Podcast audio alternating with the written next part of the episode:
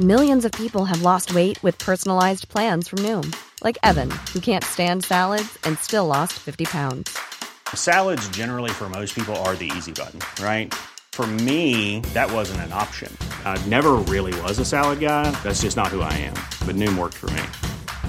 Get your personalized plan today at Noom.com. Real Noom user compensated to provide their story. In four weeks, the typical Noom user can expect to lose one to two pounds per week. Individual results may vary.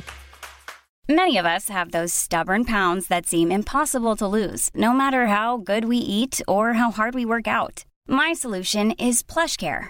PlushCare is a leading telehealth provider with doctors who are there for you day and night to partner with you in your weight loss journey. They can prescribe FDA-approved weight loss medications like Wagovi and Zepbound for those who qualify. Plus, they accept most insurance plans. To get started, visit plushcare.com slash weight loss. That's plushcare.com slash weight loss. Hold up. What was that? Boring. No flavor. That was as bad as those leftovers you ate all week. Kiki Palmer here, and it's time to say hello to something fresh and guilt-free. Hello Fresh. Jazz up dinner with pecan-crusted chicken or garlic butter shrimp scampi. Now that's music to my mouth. Hello Fresh. Let's get this dinner party started. Discover all the delicious possibilities at hellofresh.com.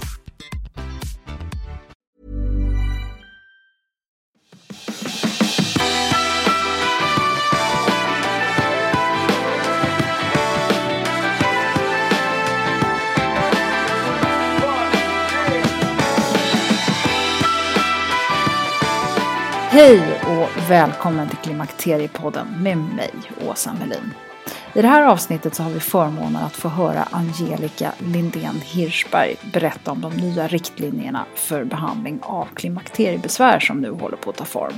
Angelica är professor på Karolinska institutet och är en av de tongivande personerna för uppdateringsarbetet som pågår inom SFOG, det vill säga Sveriges förening för obstetrik och gynekologi. Och den senaste tiden så har det varit en hel del tal om de här nya riktlinjerna. Och en av de saker som är stort i media det är ju det här med bioidentiskt eller naturligt progesteron. Och jag vet att många kvinnor kämpar för att få tag på en läkare som är beredd att göra en licensansökan till Läkemedelsverket för att få tillgång till de här naturliga progesteronerna. Och det är lätt att få intryck att allt det här nu snabbt kommer att ändras i och med de nya riktlinjerna som ryktas vara mer vänligt inställda till just naturligt progesteron. En komplicerad fråga som jag hoppas att avsnittet tydliggör. Och vi ska tala om bröstcancer och hormonbehandling på olika sätt. Så välkommen att lyssna. Angelica Lindén Hirschberg, välkommen tillbaka till Klimakteriepodden. Mm, tack. Det är härligt att ha dig tillbaka. Det är, jag vet inte hur många avsnitt du har varit med i nu, men det var ett tag sedan. Mm. Avsnitt eh, 28 var senast, tror jag, om jag inte Oj. minns fel. Mm. Ja. Och nu är vi uppe i en bit över 60, så att eh, det har hunnit rinna lite avsnitt mellan eh, broarna, höll jag på att säga. Mm. Du och jag har valsat runt i pressen den senaste tiden. Jättemycket rolig uppmärksamhet och där har du och jag råkat vara intervjuade av samma person och det har varit bra artiklar tycker jag. Och en av anledningarna till att det har varit så mycket uppmärksamhet är ju inte bara TV och sådär utan det är ju media har ju plockat upp det här att SFOG, Sveriges förening för obstetrik och gynekologi, håller på och uppdaterar sina riktlinjer för gynekolog eller för klimakteriebehandling. Och de Ja, här nya det stämmer. och det här är du tongivande i det här arbetet och det är därför som du och jag ska prata lite extra tydligt idag, eller hur? Eh, Angelica, du jobbar till vardags, du är professor här på Karolinska institutet i Stockholm och du, du tar till viss del emot patienter men du jobbar mycket med forskning och du jobbar eh, med eh, övergripande frågor i kvinnohälsa. Kan man säga så? Ja, det stämmer. Ja, bra. Ehm, de här nya riktlinjerna, om vi börjar med dem nu. Eh, så jag vet att de inte är helt klara ännu, men alla grundriktlinjer är färdiga. Berätta, varför finns det ett behov att uppdatera de här riktlinjerna från 2010 nu plötsligt? Det har ju hänt jättemycket under de här senaste åren. Så att det har ju kommit eh, otroligt mycket mer data och vi har fått ökad kunskap. och framförallt långtidsuppföljningar av olika studiepopulationer kan man säga. Eh, och dessutom då så har det kommit nya internationella riktlinjer. Så att våra nationella riktlinjer kommer ju basera sig mycket på de här internationella guidelines som finns. Eh, så att det är verkligen hög tid att uppdatera, uppdatera våra tidigare då från 2010. Mm. Och vilka punkter är det som, eh, som är mest brinnande? Ja, det är flera punkter och eh, en punkt är det här med behandlingstid. Eh, för att tidigare så sa vi ganska tydligt att man skulle behandla under begränsad tid och helst då inte längre än fem år. Vi kanske bara ska klargöra att nu mm. pratar vi om systemisk hormonbehandling mm. och inte lokal. Precis, vi pratar om hormonbehandling mot eh, de här klassiska klimakteriesymptomen helt enkelt. Vallningar, svettningar och sömnstörning. Har man mer besvär i form av irritation, klåda och eh, smärta i samband med samlag, då är det lokal östrogenbehandling. Eh, och våra nya riktlinjer kommer eh, beröra både och. Men när det gäller behandlingstid, då har man tidigare pratat om att man ska begränsa behandlingstiden för systemisk hormonbehandling mot klimakteriesymptom. Och eh, det var i första hand då baserat på risken för bröstcancer. Men då har ju uppföljningsstudier kunnat visa då att det kan finnas fördelar med att eh, förlänga behandlingsperioden. Men det kan också vara så att eh, kvinnor inte behöver behandlas under fem år. Så att det som vi kommer vara tydliga med idag det är att det ska vara en individuell bedömning när det gäller behandlingslängden. Och den här femårsgränsen den ska bort. Mm. Och jag kan ge ett exempel på där det är verkligen viktigt att inte tänka på det här med fem år. Och det gäller kvinnor med tidigt klimakterium, det vill säga före 45 års ålder. Eh, och det kan ju vara långt tidigare än så.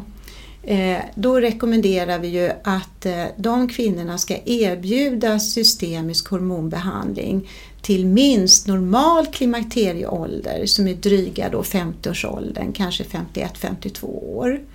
Och om de då börjar med den behandlingen 40, då ska de alltså inte sluta vid 45 utan fortsätta till dryga 50-årsåldern. Så att någon femårsregel kommer inte finnas längre. Mm. Och när vi då pratar om individuell behandling så är det ju inte bara så att det finns en sak utan det finns ju olika saker att ta hänsyn till här. Kommer mm. de här nya riktlinjerna reglera det också på, på ett lite mer nyanserat sätt? Absolut, det är jätte, jätteviktigt. Eh, för mycket handlar ju om fördelar och nackdelar. Eh, och eh, eh, man måste se till individen. Vad finns det för risker just hos den här individen? Är hon helt frisk? Har hon behandling kanske för eh, högt blodtryck? Har hon diabetes? Finns det ökad risk för bröstcancer i släkten? Så man måste väga samman det för just den här individen och ha en diskussion också med patienten. För ytterst är det patienten själv som måste välja, vill jag ha den här behandlingen eller inte? Om vi då går in på de olika typerna av eh, behandlingsformer som finns. Mm. Vad, vad kan vi säga där? Om vi börjar med östrogenet. Ja, östrogen kan man ju ta då antingen i form av tabletter, en daglig tablett, eller i form av plåster, gel eller senast i spray på huden. Och eh, eh, när det gäller plåster, gel och spray då kallar man det för transdermal behandling för det går via huden. Och det andra är då oralt för att man sväljer en tablett. Och då är det så att när det gäller tablettbehandling eh, då måste tabletten passera levern kan man enkelt säga för att först komma ut i blodet. Och, och då vet vi att östrogen kan påverka levern på olika sätt och framförallt då eh, stimulera faktorer som har med eh, risken för blodpropp att göra. Eh, så vi vet att, att tabletter ger en något ökad risk för blodpropp. Den risken är fördubblad kan man säga. Men vi pratar fortfarande om nivåer som är relativt låga utgår jag ifrån. Ja, och det beror ju på att eh, bakgrundsrisken för att få blodpropp om man är en frisk kvinna, inte röker och inte alltför överviktig, då är den ris risken väldigt låg. Eh, men den kan ändå vara förhöjd så att säga mm. om man då äter tabletter. Och sen dessutom så vet vi att eh, den största risken är det första året efter att man har börjat ta sina tabletter. Eh, om, om det inte har hänt någonting under det första året då kan man säga då har den där, då har den där riskökningen ingen klinisk betydelse. Mm, okay. eh, om, om det inte skulle vara så att man kanske blir sjuk och blir sängliggande länge. Eh, då vet vi att det i sig innebär en ökad risk för blodpropp. Eh, och då kan tablettbehandling ha betydelse. Men om man jämför då tabletter med till exempel plåster, gel och spray då har man inte kunnat se en ökad risk för blodpropp med eh, de här transdermala beredningarna. Och det beror på att eh, när man tillför då östrogen i ett plåster då tas det upp direkt i cirkulationen och behöver inte passera via levern. och på det viset så kan man undvika den här negativa leverpåverkan och eh, att eh, man, undkommer då den här risken för blodpropp. Mm. Och eh, det är fördelaktigt och det finns andra fördelar också med att inte få den här leverpåverkan. Till exempel när det gäller blodfetter och, och så vidare. Så att idag så eh, i vissa fall så, så rekommenderar man kanske transdermal behandling i högre grad än vad vi har gjort tidigare. Mm. Och finns det något sånt här klassiskt exempel där man säger att det finns en fördel att ta det oralt? Att det passerar levern eller att man tar det i form av tablett? Det är ju mer då praktiska, eh, praktiska aspekter att det är väldigt enkelt att, att ta en tablett. Mm, okay. eh, och eh, alla behandlingar har sina nackdelar. Plåster kan ju ge en lokal irritation till exempel. Mm. Eh, och eh, gel kan också ge det i vissa fall även om det är väldigt sällsynt. Så att, eh, det finns ju för och nackdelar. Mm. Det gör det. Sen måste östrogenet då kombineras med eh, ett, eh, en gestagen, ett progesteron. Det mm. som vi behöver för att skydda vår livmoderslemhinna. Exakt. Ja. Och hur kombineras det med östrogenet och hur skiljer sig de nya riktlinjerna från tidigare? Ja, Jo, då har vi ju använt gestagen traditionellt och eh, gestagen är ett syntetiskt progesteron eh, som utvecklades just för att ha en, en kraftfull effekt på livmoderslemhinnan. Och vi vet ju det om man tar enbart östrogen då kommer livmoderslemhinnan bli tjockare och tjockare och med tiden så ger det en ökad risk för livmodercancer. Men med det här gestagentillägget då så motverkar, motverkas den risken. Och faktum är att med kontinuerlig behandling med både östrogen och gestagen då är det faktiskt en minskad risk för livmodercancer. Men så kan ju den här gestagenkomponenten eventuellt ha andra nackdelar. Och eh, det vi har fått ökad kunskap om är ju då att eh, det är framförallt gestagenkomponenten som är av betydelse för risken för bröstcancer. Eh, så det är inte östrogenet i sig utan det är kombinationen av östrogen och gestagen som vi vet kan ge en något ökad risk för bröstcancer som kommer efter ja, drygt fem års medicinering. Då. Eh, och i vissa fall kan det också vara så att, att kvinnor kan må dåligt av det här gestagenet, alltså eh, psykiskt må sämre, få humörpåverkan, kanske bli nedstämda och så vidare. Mm, och det är ofta samma kvinnor som har haft en liten extra känslighet för p-piller om jag förstått det hela rätt. Ja, och som också haft eh, PMS, alltså premenstruella besvär och mer av de här ja, känslomässiga och mentala symptomen med irritation, nedstämdhet och, och så vidare. Och, eh, och, och då finns ju alternativet då naturligt progesteron eh, som används idag i flera länder men som inte är eh, registrerat här i Sverige och därför har vi inte lika stor erfarenhet av det. Och de studier som finns då det är så kallade observationsstudier där man har tittat på populationer av kvinnor som har använt olika slags hormonbehandling. Och då har man kunnat jämföra kombinationen östrogen och naturlig progesteron med östrogen och gestagen. Däremot det som saknas det är stora så kallade randomiserade studier där man har slumpmässigt eh, givit kvinnor olika slags behandlingar och jämfört dem framåt i tiden.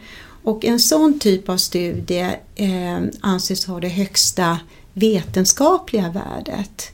Eh, och, och, det saknas till stor del eh, i det här området och som också efterfrågas internationellt och i de internationella riktlinjerna. Och därför kan man inte helt säkert säga vad är det som skiljer mellan naturligt progesteron och gestagen.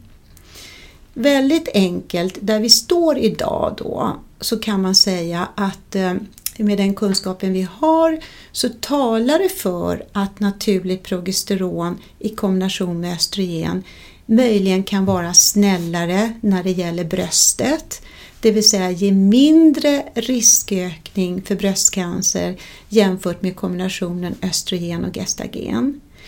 Däremot så kan vi inte frikänna eh, det naturliga progesteronet helt från risken för bröstcancer. Det kan vi inte göra.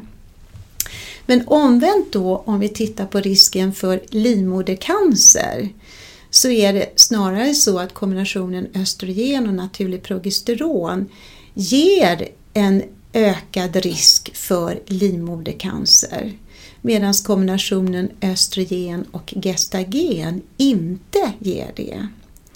Eh, så när det gäller risker så skulle vinsten vara för bröstet men inte för livmoderslemhinnan. Men sen finns det också studier som antyder att man mår bättre på naturligt progesteron än vad man kanske gör med gestagen. Och det är också viktigt att beakta. Eh, men där har vi absolut inte heller eh, någon data utifrån randomiserade studier, alltså jämförande studier mellan de här två olika behandlingarna.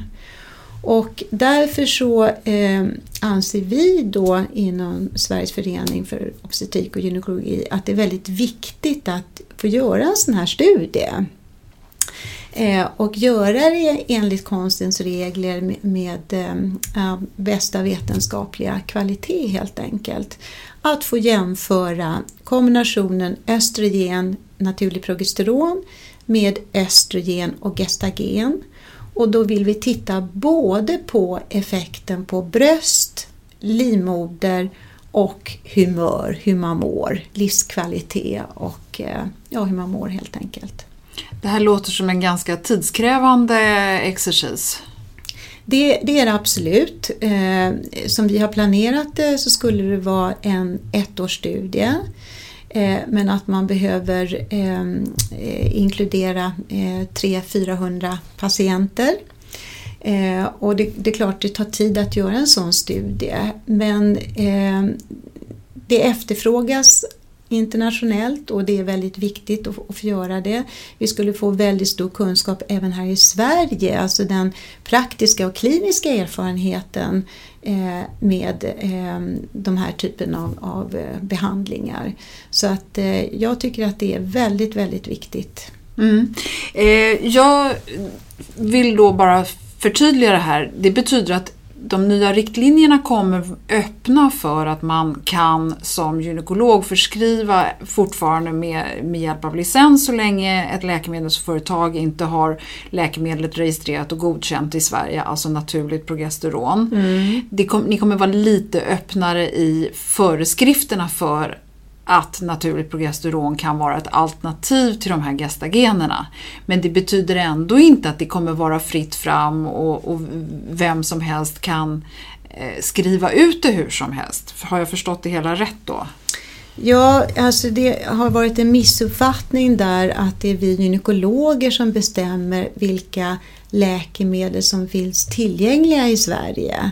Eh, och så är det inte, utan det är, det är företag som måste ansöka om att ett läkemedel blir registrerat i Sverige.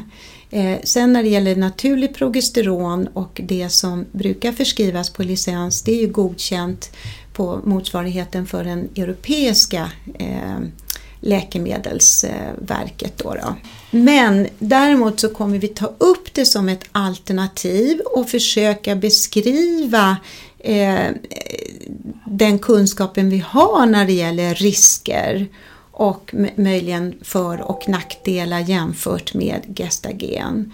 För det, det tycker vi är viktigt och, och det är ju många som efterfrågar detta.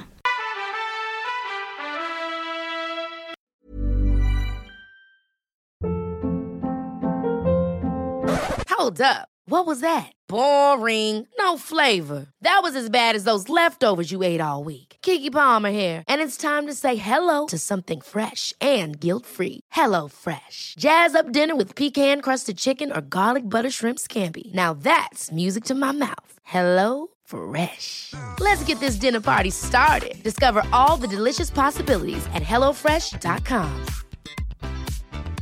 Quality sleep is essential. That's why the Sleep Number Smart Bed is designed for your ever evolving sleep needs. Need a bed that's firmer or softer on either side? Helps you sleep at a comfortable temperature? Sleep Number Smart Beds let you individualize your comfort so you sleep better together. JD Power ranks Sleep Number number 1 in customer satisfaction with mattresses purchased in-store. And now, save 50% on the Sleep Number limited edition Smart Bed for a limited time. For JD Power 2023 award information, visit jdpower.com/awards. Only at a Sleep Number store or sleepnumber.com. Life is full of awesome what ifs and some not so much, like unexpected medical costs. That's why United Healthcare provides Health Protector Guard fixed indemnity insurance plans to supplement your primary plan and help manage out-of-pocket costs. Learn more at uh1.com.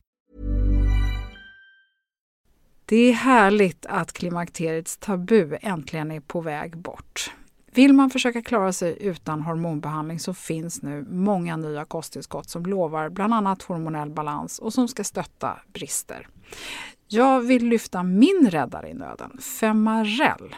Det har inte bara varit min utan många andra kvinnors räddning i över 20 år. Och med lång tid på marknaden, med nöjda användare, dessutom med 20 forskningsstudier så vågar jag säga att det kan vara en god idé att prova Femarel. Femarel finns på apoteken och i hälsokostbutiker. Tack Femarel som varit min samarbetspartner i många år.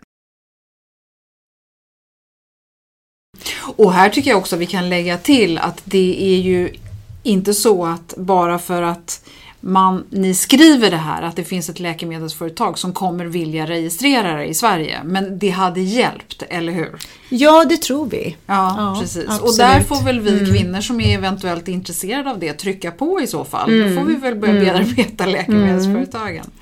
Och sen så hoppas vi som sagt på att komma igång med den här studien och då hoppas vi att det är många kvinnor som är intresserade av att delta. Mm. Och nu du, kommer du få lyssnare här som eh, mm. vill delta. Då får vi lägga upp någon liten länk eller vi får säga ja. hur man ska, eh, vad man ska göra om man nu skulle vara intresserad mm. av att vara med i den här studien. Mm. Eh, det som jag tycker också är viktigt här, det är, vi har ju en Många kvinnor upplever att de har svårt att komma till en gynekolog som är uppdaterad. Man hamnar ofta i primärvården och det är inget fel på det. Eh, mm. Men vad finns det för garantier att de här nya riktlinjerna sprids ut i landet bland alla som träffar kvinnor som är i klimakterie besvärsålder? Mm, nej, men det är ju en jätte, jätteviktig fråga och vi är alltså en arbetsgrupp då inom SFOG som arbetar med detta. Och eh, eh, riktlinjerna kommer ju antas av styrelsen för SFOG. Eh, och sen så eh, brukar vi då eh, informera om riktlinjerna på en nationell kongress. Och då kommer det ju ut brett till gynekologer i hela Sverige. Eh, men sen såklart att, att eh, kunskapen om det här kommer ju säkert variera på olika ställen. Och, eh, och vi kommer ju i första hand rikta oss mot gynekologer och inte till primärvårdsläkare. Men vi hoppas ju att komma ut till även dem. Så mm. är det. Mm. Och när förväntas den här kongressen och styrelsebeslutet och så vidare? När kan vi förvänta oss att det här kommer ut i det öppna? Ja, det är ju redan planerat för ett symposium då nästa år eh, i samband med nästa kongress och, och, det brukar vara i slutet av augusti. Mm, mm. Okej. Okay. Fram tills dess så får man ge sig till tåls men, mm. men det har ju redan kommit ut lite grann så jag tänker att man kanske redan idag börjar vara lite mer flexibel eh, som gynekolog. Ja, jag menar det, det, pågår ju mycket diskussioner och, och eh, jag hoppas ju att den här uppmärksamheten i massmedia ändå eh, ska leda till någonting positivt, en ökad medvetenhet och, och eh, eh, intresse för de här frågorna och att man eh, ja, sätter sig in i detta. Det hoppas jag. Mm. För det finns ju ett problem idag med det här frågan om hur man får tag på bioidentiskt progesteron. Det förekommer ju en del självmedicinering och det förekommer grupper som liksom, mm. där man diskuterar det här. Mm. Hur, hur ser du på det? Ja, det är någonting som vi kommer vara väldigt tydliga med att avråda ifrån alltså självmedicinering när det gäller ehm, eh, den här behandlingen för att eh, eh, vi vet ju att eh, hormoner är väldigt potenta ämnen som kan innebära vissa risker eh, beroende på dos och kombination och eh, hur man helt enkelt använder de här läkemedlen. Så att det måste eh, skötas och kontrolleras på ett, ett sätt som rekommenderas eh, enligt riktlinjer. Mm. Och, och, här har man då också kanske, man, man bör ta till sig det här som lyssnare också tänker jag. Och, och det kanske, de här riktlinjerna, kommer de gå att läsa för allmänheten också? Ja, för att de kommer läggas upp på SFOGs hemsida. Och eh, de kommer vara tillgängliga för vem som helst faktiskt. Mm. Mm. Men det är positivt. Ehm, en eh, ytterligare fråga som, som eh, jag tycker är spännande när vi pratar om progesteron, det är ju progesteronkräm. Du och jag mm. har, har torsat vid det ämnet tidigare. Kan du inte bara berätta om, om vad du anser om det? Det finns ju inte alls att förskriva i Sverige. Mm. Men det är ju mm. många som, som använder och köper på nätet. Mm. Ja, jag skulle avråda från det. Eh, och det gör man också internationellt därför att vi vet att det är ett läkemedel som har en väldigt eh, eh, varierande absorption, det vill säga upptag i blodet hos kvinnor. Och då kan man inte, eh, då kan man inte veta vilken förväntad effekt man får av det heller. Och det är viktigt att förstå att eh, huvudsyftet att eh, använda progesteron det är som skydd för livmoderslemhinnan. Att östrogen inte ska stimulera livmoderslemhinnan i en sån grad att man får cellförändringar. Och får man då eh, inte tillräcklig effekt av det här progesteronet då, då saknar den ju syfte. Mm. Så i princip så skulle man kunna säga att det är en väldigt liten risk att använda progesteron medan man fortfarande menstruerar och inte tar ett östrogentillskott. Medan när man väl har kommit i den fasen att man faktiskt tar östrogen på ett eller annat sätt som ett tillskott, då är det viktigt att man, man får också kontrollerat intag av progesteronet eh, eller gestagenet. Jag, jag skulle inte rekommendera progesteronkrämen eh, överhuvudtaget måste jag säga. För att det finns inte vetenskapligt underlag för att göra det och eh, för vilken indikation man skulle göra det faktiskt. Det gör Nej, inte men det. det finns ju många som vittnar om att de mår bra av det, framförallt i förklimakteriet. Det, I alla fall om man ska läsa på såna här i olika Facebookgrupper och, och så vidare så är det ju många som tycker att de gör det. Ja, men det kan innebära vissa risker också. Till exempel när det gäller effekt på bröstet. Och hur det är för kvinnor som fortfarande menstruerar, det har vi absolut ingen aning om. Det finns inga data på det överhuvudtaget.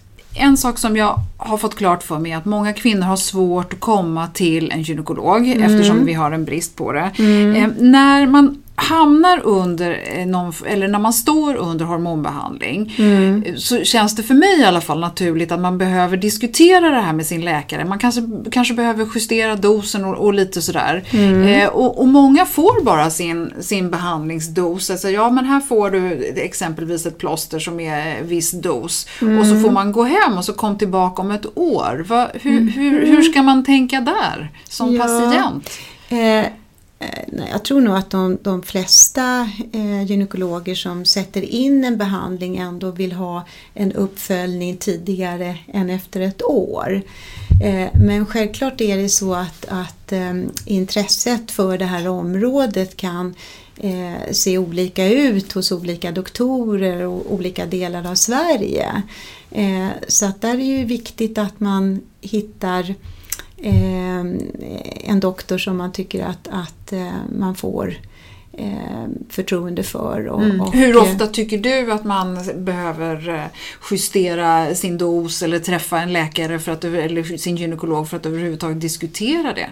Ja, men det är ju just när man eh, börjar med en ny medicinering. Då kan det vara bra med någon form av uppföljning kanske efter tre månader eller så. Men det kan man ju ta per telefon, då behöver man kanske inte ses. Nej. Men när man sen har eh, fått en medicinering som fungerar då kan det räcka med kontakt kanske en gång årligen.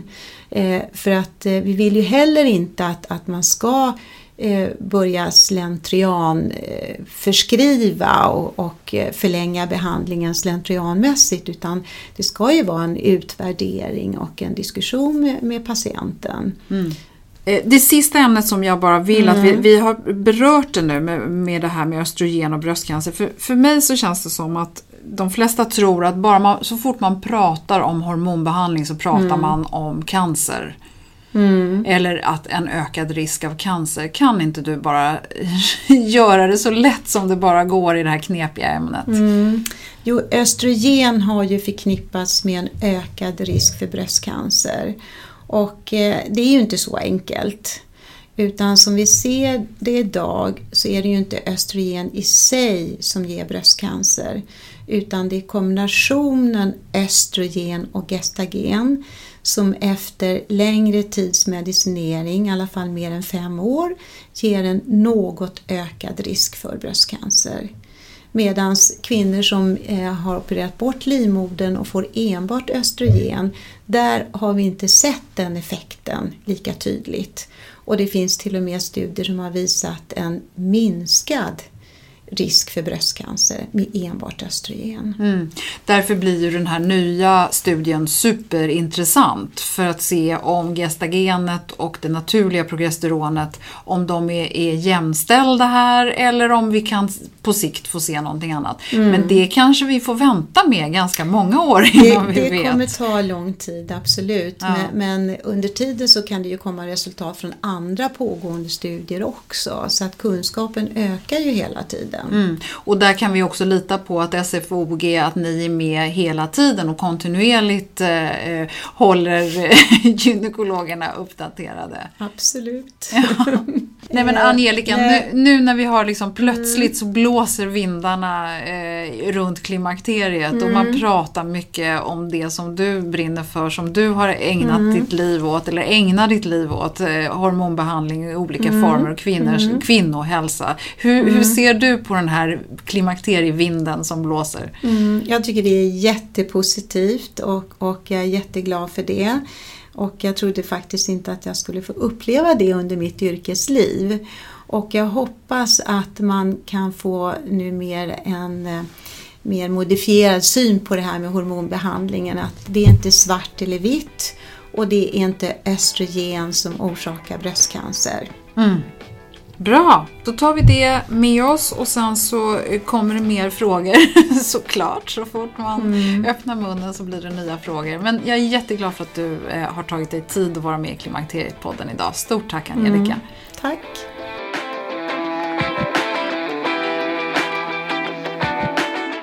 Ja, som ni hör så är det lite tid kvar till de här lite mer nyanserade rekommendationerna blir offentliga och det blir inte någon snabb ändring vad gäller tillgång till just bioidentiskt eller naturligt progesteron heller. Men en sak är väldigt positivt och det är att man tar med naturligt progesteron som alternativ till gestagenerna. Och en sak som klart skulle hjälpa är ju om vi kunde få ett läkemedelsföretag att registrera så kallat mikroniserat progesteron i Sverige så att läkare slipper licensansökan för varje patient som man väljer att skriva ut det här till. Men en sån registrering kommer också ta tid och ska gå genom Läkemedelsverket. Då. Men förhoppningsvis så kommer diskussionerna som pågår nu också att inspirera både läkemedelsföretag och enskilda läkare att modernisera och uppdatera sig. Om det är någon som skulle vilja vara med i den här studien Angelica talade om så har hon lovat att meddela mig när man har kommit så långt att det går att anmäla sitt intresse för att medverka. Och då kommer jag sprida den här informationen såklart genom eh, våra kanaler, både i podden och eh, på klimakteriepodden.se och så har vi ju naturligtvis Klimakteriepoddens Facebook-sida och Instagram. Och där hittar du redan nu en del intressant information och självklart ett par länkar som är relevanta till dagens avsnitt. Om du inte har hört Angelica Lindén Hirschberg i Klimakteriepodden tidigare så lyssna gärna på de avsnitt hon har varit med i, det vill säga 1, 4, 4b och avsnitt 28. Vill du komma i kontakt med mig, Åsa Melin, så hör av dig på info.klimakteriepodden.se. I nästa avsnitt så blir det ett helt nytt ämne för podden, nämligen ekonomi. Och vad har det med klimakteriet att göra kan man ju fråga sig. Ja, lyssna så får du se. Tack för att du har varit med och välkommen att lyssna snart igen. Hejdå!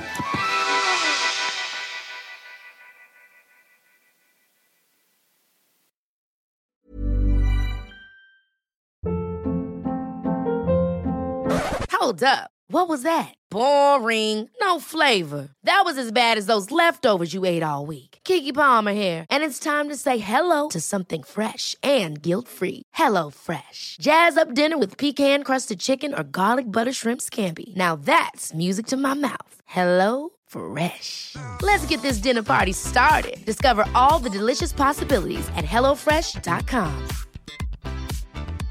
Even when we're on a budget, we still deserve nice things. Quince is a place to scoop up stunning high-end goods for 50 to 80% less than similar brands. They have buttery soft cashmere sweaters starting at $50, luxurious Italian leather bags, and so much more. Plus, Quince only works with factories that use safe, ethical, and responsible manufacturing. Get the high-end goods you'll love without the high price tag with Quince. Go to quince.com/style for free shipping and 365-day returns.